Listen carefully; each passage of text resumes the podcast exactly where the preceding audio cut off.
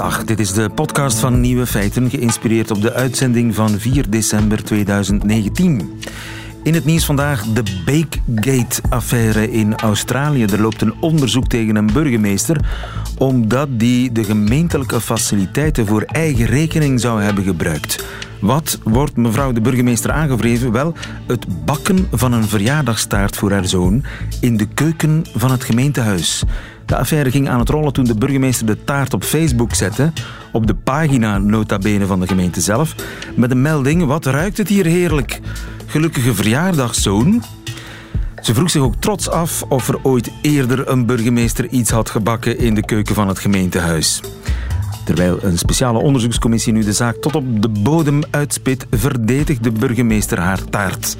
Was ik een man geweest die tussen de drukke bezigheden door taart van zijn zoon zijn verjaardag had gebakken, dan was ik de held, schrijft ze op Facebook. Tja, corruptie kan beginnen met een cake.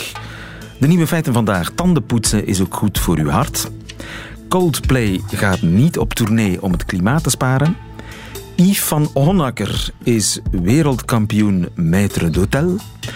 Schrijver Christophe Wekeman heeft nog nooit gebowld. En in Nederland verkiezen ze de slechtste slogan van het jaar. De nieuwe feiten van Nico Dijkshoorn hoort u in zijn middagjournaal. Veel plezier. Radio 1. Nieuwe feiten. En we hebben een held van de dag. De held van de dag is Yves van Honacker, die wereldkampioen maître d'hôtel is geworden. Goedemiddag, Yves. Yves is heel erg druk Hallo. bezig. Dag, Yves. Yves van Honacker, gefeliciteerd. Je bent goedemiddag intussen. Je bent kampioen, wereldkampioen maître d'hôtel. Hoe is Dat eh, gegaan? Hoe word je dat? Ik wist niet eens dat er een wereldkampioenschap Eh, was. Het wereldkampioenschap was eh, nu maandag in eh Auxerre. In Kokzijde eh, zelf? Nee, nee, in Auxerre, Frankrijk. Ja, Oké. Dus eh, het- dat was georganiseerd door eh, het eh, Championnat du, du Monde du Maître d'Hôtel. Door eigenlijk de vorige winnaar. De vorige wedstrijd was ja, toch al tien jaar geleden dat hij nog ingericht werd. Ah, oké. Dus nu was de titel terug opnieuw open. Een wedstrijd die bestaat uit vier, vier grote blokken. Iets rond de tafeldressage en vooral naar eh, themawerken. Dan ook een commercialisatie van een restaurantkaart. Waar dat, eh, een, eh, een achttal personen zitten waar je- dat je op voorhand een kaart van krijgt die vol staat met moeilijke bereidingen en met heel veel eh, vreemde garnituren. En dan worden natuurlijk de vragen gesteld rond allergieën, eh, wijn en gerecht. Dus, eh, daar Het wordt je zo moeilijk mogelijk en dan nog een gemaakt. atelier rond de zaal. absoluut. Nu, absoluut. Die testen zijn eigenlijk vooral om te kijken van, eh, heel veel weet je op voorhand, maar eh, hoe, wat is die algemene kennis daar rond en hoe ver sta je daar buiten? Hoe ga je daarmee om? Hoe ga je om met problemen? Ja. Hoe pak je dat aan? Eh, talen zijn ook heel belangrijk, want je bent verplicht van het te doen in een vreemde taal. De wedstrijd mag je niet doen in eigen landstaal. Bijvoorbeeld. Frankrijk was verplicht om het te doen in het Engels. Natuurlijk, ik had de keuze Engels of Frans, van mij, omdat ik als Nederlandstalige. Dus we hebben dan geopteerd om dat te doen in het Engels. Ja, En dan hadden we nog eh, als laatste nog een heel leuke opdracht. Eh, in de gastronomie gaan we terug meer op, meer op zoek naar beleving. Dus meer en meer terug doen in het restaurant zoals het vroeger was. En we waren gevraagd om zelf een eh, zaalrecept, een zaalflambage te maken. Met als ingrediënten verplicht te gebruiken eh, druiven, eh, vijgen en eh, cognac. En daar- druiven, dan vijgen en cognac. En wat moest dat resulteren? Dus eh, de, een gerecht, een nagerecht creëren daar rond, dat je volledig maakt en afwerkt in de zaal, volledig dresseert, eigenlijk juist voor de gasten op het tafeltje apart. Dus met de flambage natuurlijk. Ja, de vlam die als een soort spektakel-act moest dat ook nog eens gebeuren met flambage en vuur. En, eh, Ja. en het moest ook nog eens eetbaar zijn. Neem ik ja, aan. absoluut. Ja. Dat is toch de bedoeling. Ja. Maar dus Ehm, je, je bent verantwoordelijk voor eh, de dressage, zoals dat dan heet, in, in, in het restaurant. Hoe, hoe het ding eruit ziet. Maar ook... Dus eigenlijk gewoon het, het, eh, dat is eigenlijk gewoon het opdekken van de tafel. Dus eh, de opdracht bestond eruit, we kregen een half uur. Op voorhand hadden we de catalogus gekregen van de Grijnen, waar we al ons materiaal mochten bestellen dat we nodig hadden om ons tafel op te dekken. En dan mochten we ook nog vijf eigen zaken meebrengen. En het thema was zeer moeilijk. Het thema was La Grande Histoire de Maître d'Hôtel.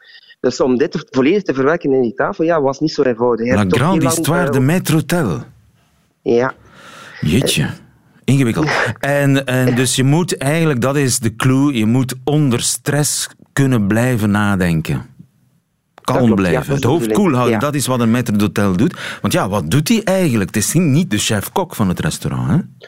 Uh, nee, maar dus, uh, eigenlijk een, uh, ieder goed restaurant moet een goed metrohotel hebben. Die twee kunnen niet zonder. Want als een, kok mag nog zo mooi en goed gerecht brengen, als dat niet op de juiste manier gepresenteerd wordt met de nodige beleving aan tafel, dan gaat die gast dit in veel minder mate appreciëren. En het is hij die ervoor zorgt dat die extra service er is, dat die, dat die sfeer gecreëerd wordt, dat die ambiance er is, dat het allemaal vlot en, en netjes verloopt. En dat is zo belangrijk dat er daar iemand rondloopt die kennis van zaken heeft. Eigenlijk een goed middelhotel in een restaurant. Die is er nooit, maar die is er altijd juist op het moment dat je hem nodig hebt. Hij Onzichtbaar tot hem nodig hebt. op voorhand. Heel mooi. Eh, je geeft uh, zelf uh, les in Kokzijde op de hotelschool Terduinen. Ben je ook ergens maître d'hôtel?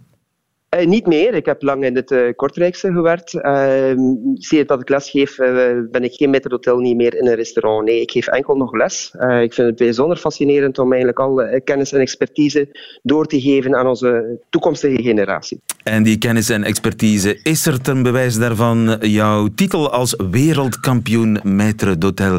Een titel die je gehaald hebt in Auxerre. Ivan Honaker, dankjewel. Gefeliciteerd en nog een fijne dag. Dankjewel.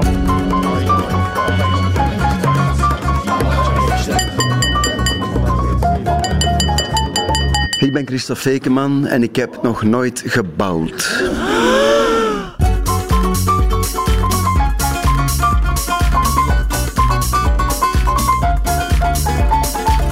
Denk dat ik bowlen altijd een beetje heb geassocieerd met een grote groep vrienden op vrijdagavond, ja? pret maken. En ik ben zo niet. Ik heb, ah, nee. nee, ik heb ook geen gezellige vrienden. Al mijn vrienden zijn eenzame drinkers.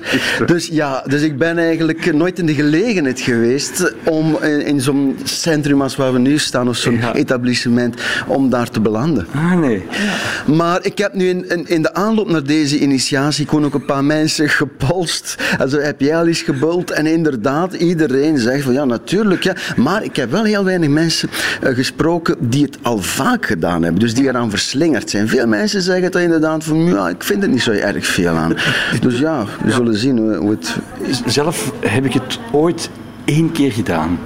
Ah, ja. Dus je moet van mij niet te veel instructies of tips of zo Nee, dus, dus je bedoelt dat ik kan winnen? Zeker.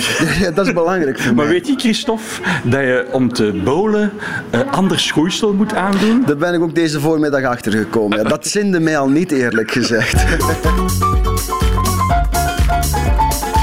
Goed, we staan aan de bowlingbaan. Ja. Ginds in de verte zien wij de pins. De, de kegels bedoel je? Ja, ja, ja, maar dat weet ik dus. Ik heb al veel bijgeleerd vandaag. Ja. De pins, uh, tien in totaal denk ik. Ja.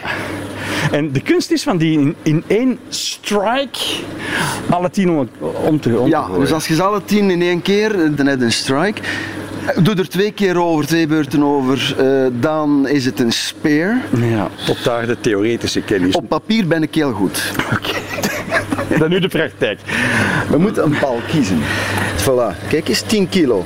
En dan zitten er drie gaten in waar drie vingers in passen? Ja, want de midden- en de ringvingers, ah. die moeten, hè, de, wijzende pink, de wijsvinger en de pink, die blijven vrij. En de duim moet er ook helemaal ingestoken worden. Hmm. En nu moet je met zo'n elegante weg aan de andere kant slaan, want anders gebeurt er ongeluk. Wow, ja, dat is er net naast. De bal ging in die, dat was mijn eerste... in die goot, hè? En wat ging in de goot, dat is waar. Maar ja, die goot is lang, hè, dus hij heeft ook een hele tijd op de baan ja, ja, zelf. Ja, Was het goed voor de eerste keer? Niet echt goed, zegt hij. Dus je ziet wel in de, in de film, staan die met dat been in zo'n rare hoek achter zich. En de zwaartekracht laten werken, dat heb ik ook gelezen. Wow. Nee, jongen, oh, recht, recht naar die goot. Weer die goot, ja. Het lijkt alsof die baan een klein beetje bol ligt. Die baan is niet goed. ik geef het eerlijk toe, ik heb er geen één geraakt. Niks, Allee, we moeten de waarheid zeggen. We kunnen liegen op de radio, maar het is niet, dat doen we niet. Hè. Ella? Ja, ja, ja, ja, oh! Hoi! Christophe! Ik, uh, ik, uh, ik heb een nieuwe hobby. er staat er nu nog één recht. Ja. Dus ik. negen kegels met één bal. Ja. Ze eigenlijk, allee, voor zo absoluut beginners te zijn, Dat doen wij dat niet slecht. of, ja, of het is een heel gemakkelijk spel natuurlijk. Drie blijven er recht. Heb je dat gezien? Er zat een soort van swing in de baan van jouw bal. Alsof je er effect had opgezet, maar je had het niet gedaan. Oh, pas op. Nee, pas op. Ehm drie kwart van de baan is geolied. En het laatste kwart is droog. En dat maakt dat eh, als je effect op je bal steekt, merkte daar niks van dat eerste drie kwart. Want die gaat dus in een rechte lijn over dat spekgladde oppervlak. Ja. Maar dan eenmaal droge grond onder de voetjes, zeg maar, begint hij te slingeren. Oké. Volgens mij op het theoretische Ja. examen ben je geslaagd. Ja, mocht inlezen bekroond worden, dan was ik de koning, ja. Kijk, hè. Let op. Stelen met je ogen, hè, kom. Net niet.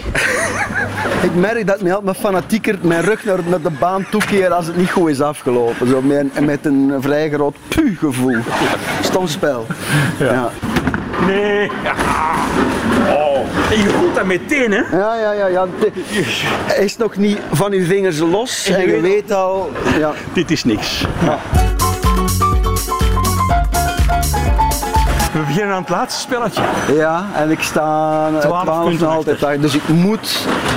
Ik moet... Je eh, moet eigenlijk een strike gooien. Om... Ja, daar komt het wel op neer. Ook, ook, qua, De, ook voor de radio zou dat goed zijn. ja, het gewoon voor het moreel in het algemeen. Ja, voor de rest van mijn week zou het goed zijn. Nee, dit is geen strike. Te groot! Oh, Christophe! Ja. Ja, dat ben ik. Zelfsabotage. Dat is echt... Allee, dus nu kunnen we naar het therapeutische gesprekje overgaan. Einde van het spel, Christophe. Ja, proficiat. Je hebt gewonnen met 16 punten. Ja, ja, mijn eerste frame heb ik dus 0 punten gescoord. Dat heeft mij natuurlijk Dat serieus ja. de das omgedaan. Maar dat was werkelijk de aller, allereerste bowlingbal. allereerst, ja precies. Laat het mij zo stellen, Koen. Ehm, de volgende keer dat we spelen, spelen we voor geld. En we kunnen nog eens ooit radio maken eh, onder het motto Ik ben Christophe Wekeman en ik heb nog nooit een spelletje bowling gewonnen. Geestig. Radio 1. Nieuwe feiten.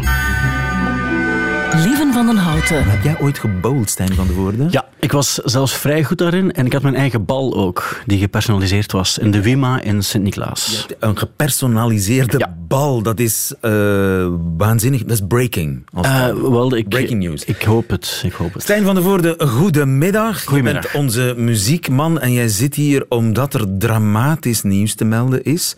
Coldplay heeft namelijk wel degelijk een nieuwe plaat, Ja. maar gaat niet op tournee. Ze hadden er veel zin in, de fans ook. Maar wegens de opwarming van de aarde blijven de popkoningen thuis. Dat is wel heel drastisch, hè? Ja, dat is het officiële verhaal ook. Anderen zeggen, ja, maar het komt ook wel omdat die vorige tour zo lang en zo slopend was, hebben ze ook niet zo heel veel zin. En als je naar de nieuwe plaat luistert, dan hoor je ook, dat is totaal geen live plaat. Eh, ze kunnen al die hits van vroeger spelen, maar de nieuwe nummers op de nieuwe plaat, daar staan er twee op die je echt vlot live kan spelen. De rest is niet zo'n amazing-plaat zoals die vorige. Dus maar het is niet de echte reden, denk je? ik, denk het, ik denk het dat het mooi meegenomen is. Want je kan het tegenwoordig niet meer maken om gewoon te zeggen, we gaan op tour. Oh nee? Nee. Ehm, en dat is al een tijdje zo. De mannen die er eigenlijk mee begonnen... Muzikanten gaan er niet zomaar meer op tournee. De kleine bands wel, want die gaat men dat ook vergeven. Je weet, als kleine band, je krijgt geen projectsubsidie. Je, krijgt, eh, je verkoopt heel weinig cd's. Ehm, er wordt wel een beetje Je moet wel. Je, kan, Je je moet kan wel. mensen, je moet mensen we- laten weten dat je bestaat, dus je moet wel. Ehm, de grote bands die met 17 trucks rondrijden en die, eh, zoals Metallica bijvoorbeeld tien jaar geleden, die, ehm, die vertrokken elke dag vanuit Parijs en dan vlogen ze naar een of andere Europese bestemming en dan s'avonds vlogen ze weer terug met de privéjet. Ecologische voetafdruk. Voilà, dat, dat wordt niet meer geapprecieerd. Maar de band die daar in 2008 al mee begon, dat is deze. Dat is Radiohead. En die mannen die hebben in 2008 tegen de mannen van Rock Werchter gezegd van kijk, we komen wel op voorwaarde dat je bijvoorbeeld eh, dat mensen met het openbaar vervoer kunnen komen. En we willen ook LED-schermen, want die verbruiken minder. We gaan ook onze bussen laten rijden op een soort van biodiesel enzovoort. Dus die waren er in 2008 al mee bezig. Toen werd er een beetje mee gelachen, maar nu in deze tijd niet meer. Dus niet alleen muzikaal pioniers. Ja, nee, absoluut. York en uh, Radiohead. Maar, uh, maar ze hebben ook een soort van trend in gang gezet. En uh, heel veel bands volgen nu ook. Wel een tiental jaar later, maar deze mannen bijvoorbeeld. Dat is Massive Attack. Weet ik. Ja, die hebben dan ook met een aantal universiteiten samengezeten om ja. te vragen van ja, hoe, hoe kunnen we het beter doen? Wat misschien realistischer is. Want zeggen we gaan nooit meer toeren, dat gaat. Mensen gaan altijd muziek. Het is een soort van vorm van cultuur die je niet mag afnemen van de mensen, maar de manier waarop het gebeurt. Nu was die extreem extravagant en daar kan je wel iets aan doen. En dus ze hebben de wetenschap onder de arm ja. genomen. En die zeggen dan bijvoorbeeld, ah, jullie uh, rijden normaal met 10 trucks als we het nu eens met vijf trucks doen. En dan zeggen die mannen, dat is een inzicht waar we zelf niet op... Het is simpel, maar je moet erop komen. Je moet erop komen. Um, ook de, de jonge hype, uh, genaamd Billie Eilish. Um, die heeft ook iets verzonnen. Zij gaat namelijk fans die kunnen bewijzen dat ze ecologisch bezig zijn, belonen met tickets voor haar shows. Nudging. Ja, dat is natuurlijk ook een vrij... Um, uh, arbitrair. Het is eigenlijk moeilijk om, iemand echt te controleren. Als je zegt van kijk, ik hou mijn raam dicht als de chauffage open, uh, warm staat bijvoorbeeld. Um, dan wordt er op een of andere manier nagedacht, oké, wie verdient het het meest? En die krijgt dan een ticket. Maar dat doet er niet zoveel toe. Het is het feit dat ze haar fans wil aanzetten om erover na te denken. Dat is nog wel mooi natuurlijk. En deze man is ook al een tijdje bezig. It's always better when we're together. Yeah, we'll look at them stars and we're together. Dat is Jack Johnson, de surfer uit Hawaii. En die heeft zijn eigen platenfirma. En die zorgt er ook voor als hij cd's nog fysiek uitbrengt. Dan is dat met gerecycleerd papier. En hij gaat dan ook ervoor zorgen dat er genoeg bomen geplant worden. Op de juiste moment als hij genoeg verdient enzovoort. Dus men is er echt mee bezig. Ja, men is er echt mee bezig. En het is meer dan image building, window dressing. Ik zoek naar een Nederlands woord. Nee, het, het helpt wel uiteraard voor je imago. Dat is absoluut waar. Maar het feit dat er over nagedacht wordt daar kunnen we niet tegen zijn, denk ik. En ik denk dat Coldplay zeker nog gaat spelen. Ze gaan misschien festivals er eerder uitpikken. Dat is ook, um, als je het commercieel bekijkt, niet zo slecht bekeken, want dan heb je al een podium en heb je al een stuk crew enzovoort ook. Dus ze gaan nog wel spelen, denk ik. Maar ik denk dat ze gewoon nu misschien iets minder zin hadden in een, uh, in een, in een uitgebreide wereldtour. Ze zullen zeker nog toeren, maar niet gratuit en niet zomaar. Ze denken daar zwaar over na, zoals vele andere muzikanten. Dankjewel, Stijn van de Voort. Graag gedaan. Nieuwe feiten. Geen geëikel, recycle. Prachtslogan toch? Hij is genomineerd voor de slechtste sloganverkiezing. Tefke van Dijk, goedemiddag. Goedemiddag. Tefke, jij organiseert elk jaar de slechtste sloganverkiezing in Nederland. Dat doe je al een paar jaar, hè? Uh, ja, dat doen we inmiddels voor de achtste keer, klopt. Uh, we verzamelen slogans en één keer in het jaar dan uh, vragen we het publiek om aan te geven welke zij het slechtst vinden. En noem eens een paar winnaars een paar winnaars van eerdere jaren. Nou, vorig jaar was dat een uh, barbier. Um, speciaal voor mannen bedoeld. En zij hadden als slogan: Wij doen wel vrouwen, maar knippen ze niet. Sorry. We doen wel vrouwen, maar knippen ze niet. Jeetje. Ja. Slogan van een barbier. Het is eigenlijk een topslogan, hè? Ja, nou, het, het, verhaal is dat er dus regelmatig vrouwen binnenkomen lopen. En dat ze dan vragen van, uh, doen jullie ook vrouwen? En toen hebben ze eigenlijk als grapje geantwoord telkens van jawel, maar we knippen ze niet. En op een gegeven moment hebben ze besloten, nou laten we daar gewoon onze slogan van maken. Ja. Heb je er nog één? Uh, zeker van het jaar daarvoor, van uh, worstenbroodjes. Uh, ja. Van kop tot kont, worst in de mond. Heerlijk. Omdat, ja. ja het, zijn, het zijn natuurlijk hele slechte slogans, maar omdat ze zo slecht zijn, worden ze ook weer geniaal.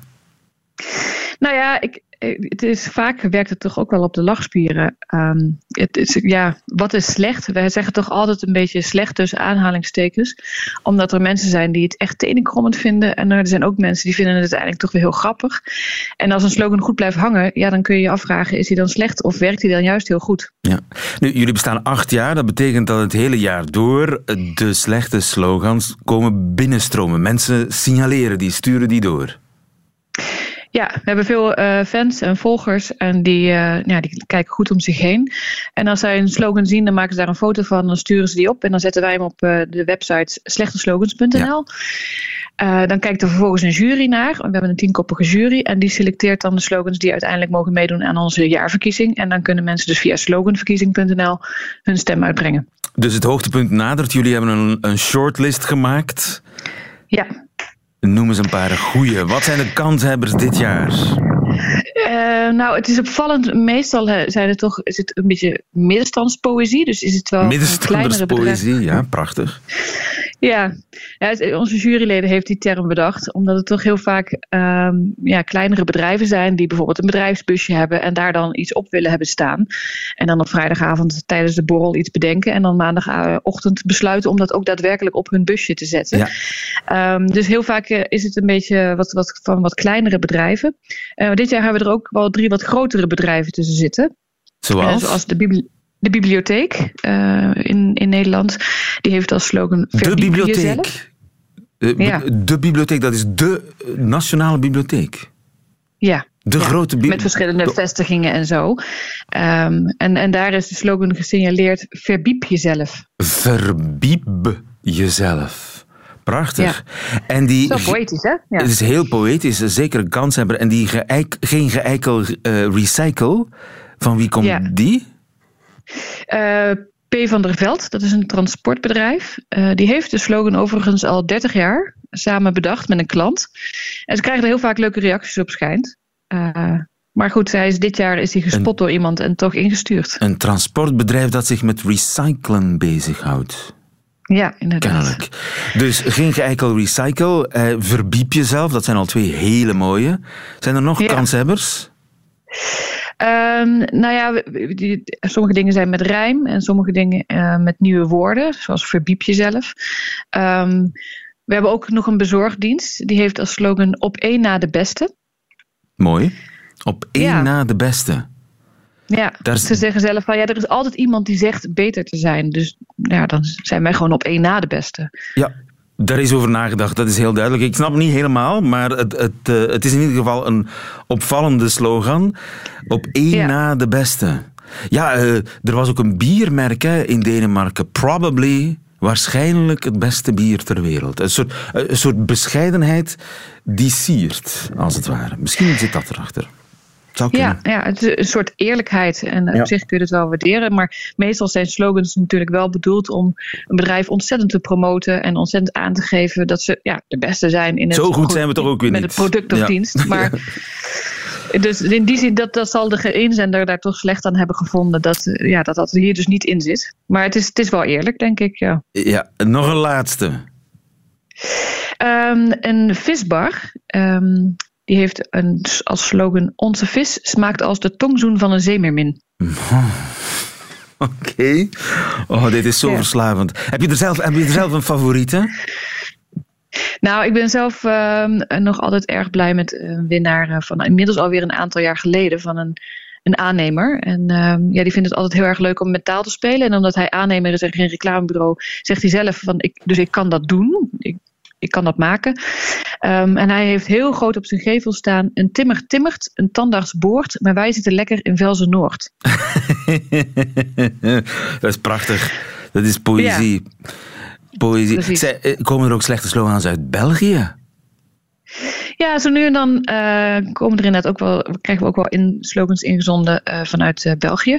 Um, Zijn die anders? We willen wel alle, Um, niet heel erg, denk ik. Um, soms zie je wel slogans ook in, in dialect, ook in uh, Nederlandse dialecten. Um, en daar kun je dan ook zien dat het echt een beetje de, de regio kun je dan zien.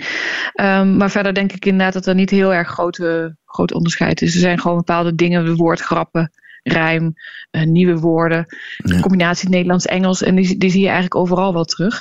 Ons uh, criterium is in ieder geval dat het bedrijf uit Nederlandstalig gebied moet komen. Ja. Dus kan wel met een Engelstalig slogan. Maar, maar, misschien moeten we de handen in elkaar slaan. Misschien moeten we bij Radio 1 met Nieuwe Feiten onze eigen slechte sloganverkiezing houden. Lijkt ja. je dat een goed idee? Uh, dat lijkt mij een heel goed idee. Want nou ja, in die zin, uh, slogan zeg maar vanuit, uh, we noemen onszelf Nederlands slechtste sloganverkiezing.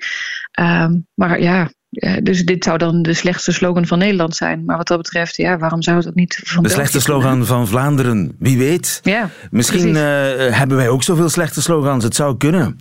Dus ja, ja. als nou, u zit te luisteren en u ziet of u heeft gezien uh, een slechte slogan, maak er een foto van, stuur hem door via onze app, de Radio 1-app. En uh, als er genoeg slogans binnenkomen, dan kunnen we misschien ook een uh, slechtste sloganverkiezing beginnen en daar een traditie uh, van maken. Al acht jaar loopt die traditie in Nederland en daar gaat die in de hoogste versnelling. Want eind deze maand ongeveer wordt dan de slechtste slogan van 2019 bekendgemaakt. Dankjewel, Tefke. Nou. Ja, graag gedaan. Op 9 december zelfs maken we 9 december al. Tot, Heel snel. 8 december stemmen. Op sloganverkiezing.nl ook vanuit België. Ook vanuit België. Ik ben benieuwd. Dankjewel, Zeker. Tefke van Dijk. Goedemiddag. Ja, graag gedaan. Dag. Nieuwe feiten. Hallo. Hallo. Tandjes poetsen, het is belangrijk. Het is goed voor uw gebit. Maar niet alleen voor uw gebit. Het is ook goed voor uw hart. Dokter Van der Voort, goedemiddag. Goedemiddag. Professor Van der Voort, eh, cardioloog, werkzaam in het ziekenhuis Oost-Limburg in Genk. Een uh, Koreaanse studie toont aan dat er een verband is tussen propere tanden en een gezond hart. Hoe zit dat? Wel, dat klopt. De relatie tussen uh, tandzorg en hartproblemen die is al langer gekend. En die kunnen zich op twee domeinen voordoen. Enerzijds kan bij een infectie van een tand of een infectie van het tandvlees kunnen bacteriën in de bloedbaan komen. Die bacteriën komen via de bloedbaan in het hart en kunnen op die manier rechtstreeks een hartklep infecteren. Dat kan dan aanleiding geven tot uh, destructie, vernietiging van die klep en op die manier hartfalen veroorzaken. Dus de bacteriën in je mond raken echt recht in je hart? Dat is zeker en vast een mogelijkheid dat bacteriën vanuit de mond rechtstreeks via de bloedbaan in het hart terechtkomen. Oké, maar er was nog iets. Deze, ja, deze studie toonde een ander mechanisme aan waarbij tandbederf of tandvleesontsteking op een andere manier hart- en vaatziekten kan veroorzaken door een chronische ontsteking, waardoor er toxines en een soort uh, ontstekingsreactie in het bloed ontstaat. En die producten die dan in de bloedbaan circuleren, kunnen op hun beurt rechtstreeks de wand van de bloedvaten of van het hart aantasten, zonder dat dat rechtstreeks een infectie veroorzaakt. Maar die aantasting die kan wel een versnelde veroudering en aderverkalking veroorzaken. En dat kan dan op zijn beurt hartspierverzwakking of hartritmestoornissen veroorzaken. Ja. En het, jouw lichaam is eigenlijk in een soort permanente stresstoestand, in een reactie op een chronische ontsteking in je mond. En daar heeft je hart last van. Dat klopt. Dat is inderdaad. En dat is een gekend fenomeen, niet alleen bij chronische ontstekingen zoals deze in deze studie, maar ook bij mensen met de reumatoïde artritis en chronische uh, inflammatie van de gewrichten of van de darm alle ontstekingen die blijven duren zijn eigenlijk slecht voor je hart. Nu, uh, zou je zo ver gaan om dan en zeggen dat uh, een slechte mond echt, echt een hartinfarct kan veroorzaken? Of is het een, een bijkomende stress die die laatste ja, druppel kan zijn die de emmer doet overlopen? Wel, ik ben zeker akkoord dat het niet rechtstreeks een hartinfarct zal veroorzaken, maar het kan bijdragen tot een versnelde uh, vervetting van de aders. En, uh, maar het is zeker een, feit dat een, een, gezonde mond zal mee een gezond hart uh, bewerkstelligen. Ja, en zeker mensen met uh, hartproblemen, hartpatiënten, die moeten extra goed poetsen. drie keer poetsen per dag, twee keer poetsen per dag, bijkomend flossen, met allerlei kleine, kleine borsteltjes tussen je tanden gaan. Is dat de opdracht? Wel, goede tandzorg is zeker en vast belangrijk voor patiënten met hartklepproblemen of zeker patiënten die een kunstklepvervanging ondergaan hebben, zou ik zeker aanraden dat zij de arts raadplegen alvorens zij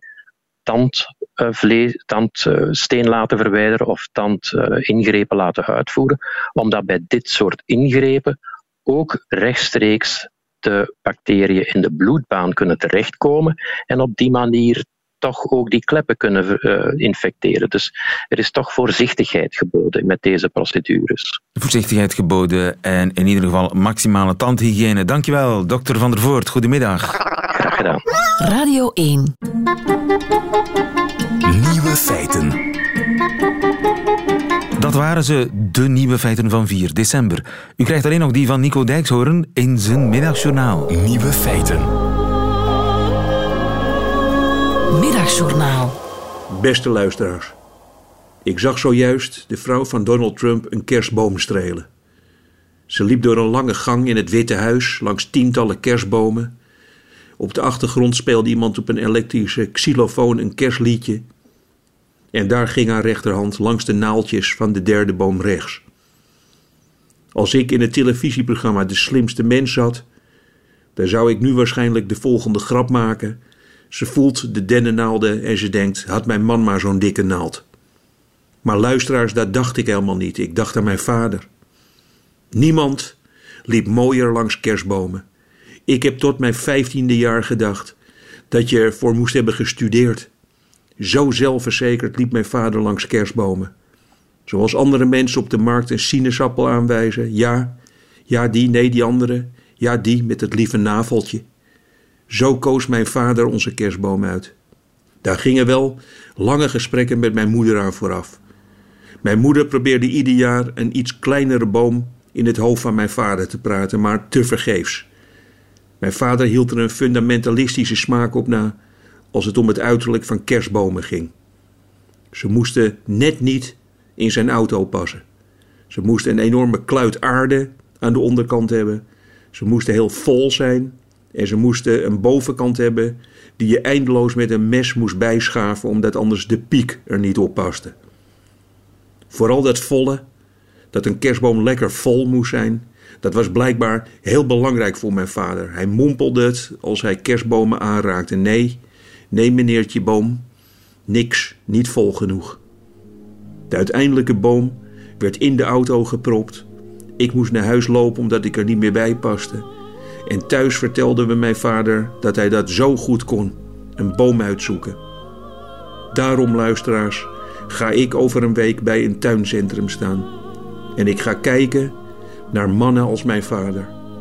Ze hebben niks te vertellen op kantoor, niks te vertellen in de keuken. Ze hebben verloren jeugd. Nog nooit iets gewonnen in het leven. En dan één keer per jaar mogen ze doen waar ze goed in zijn. De goede boom uitkiezen. Ik moet ieder jaar huilen om zoveel kleinmenselijke liefheid.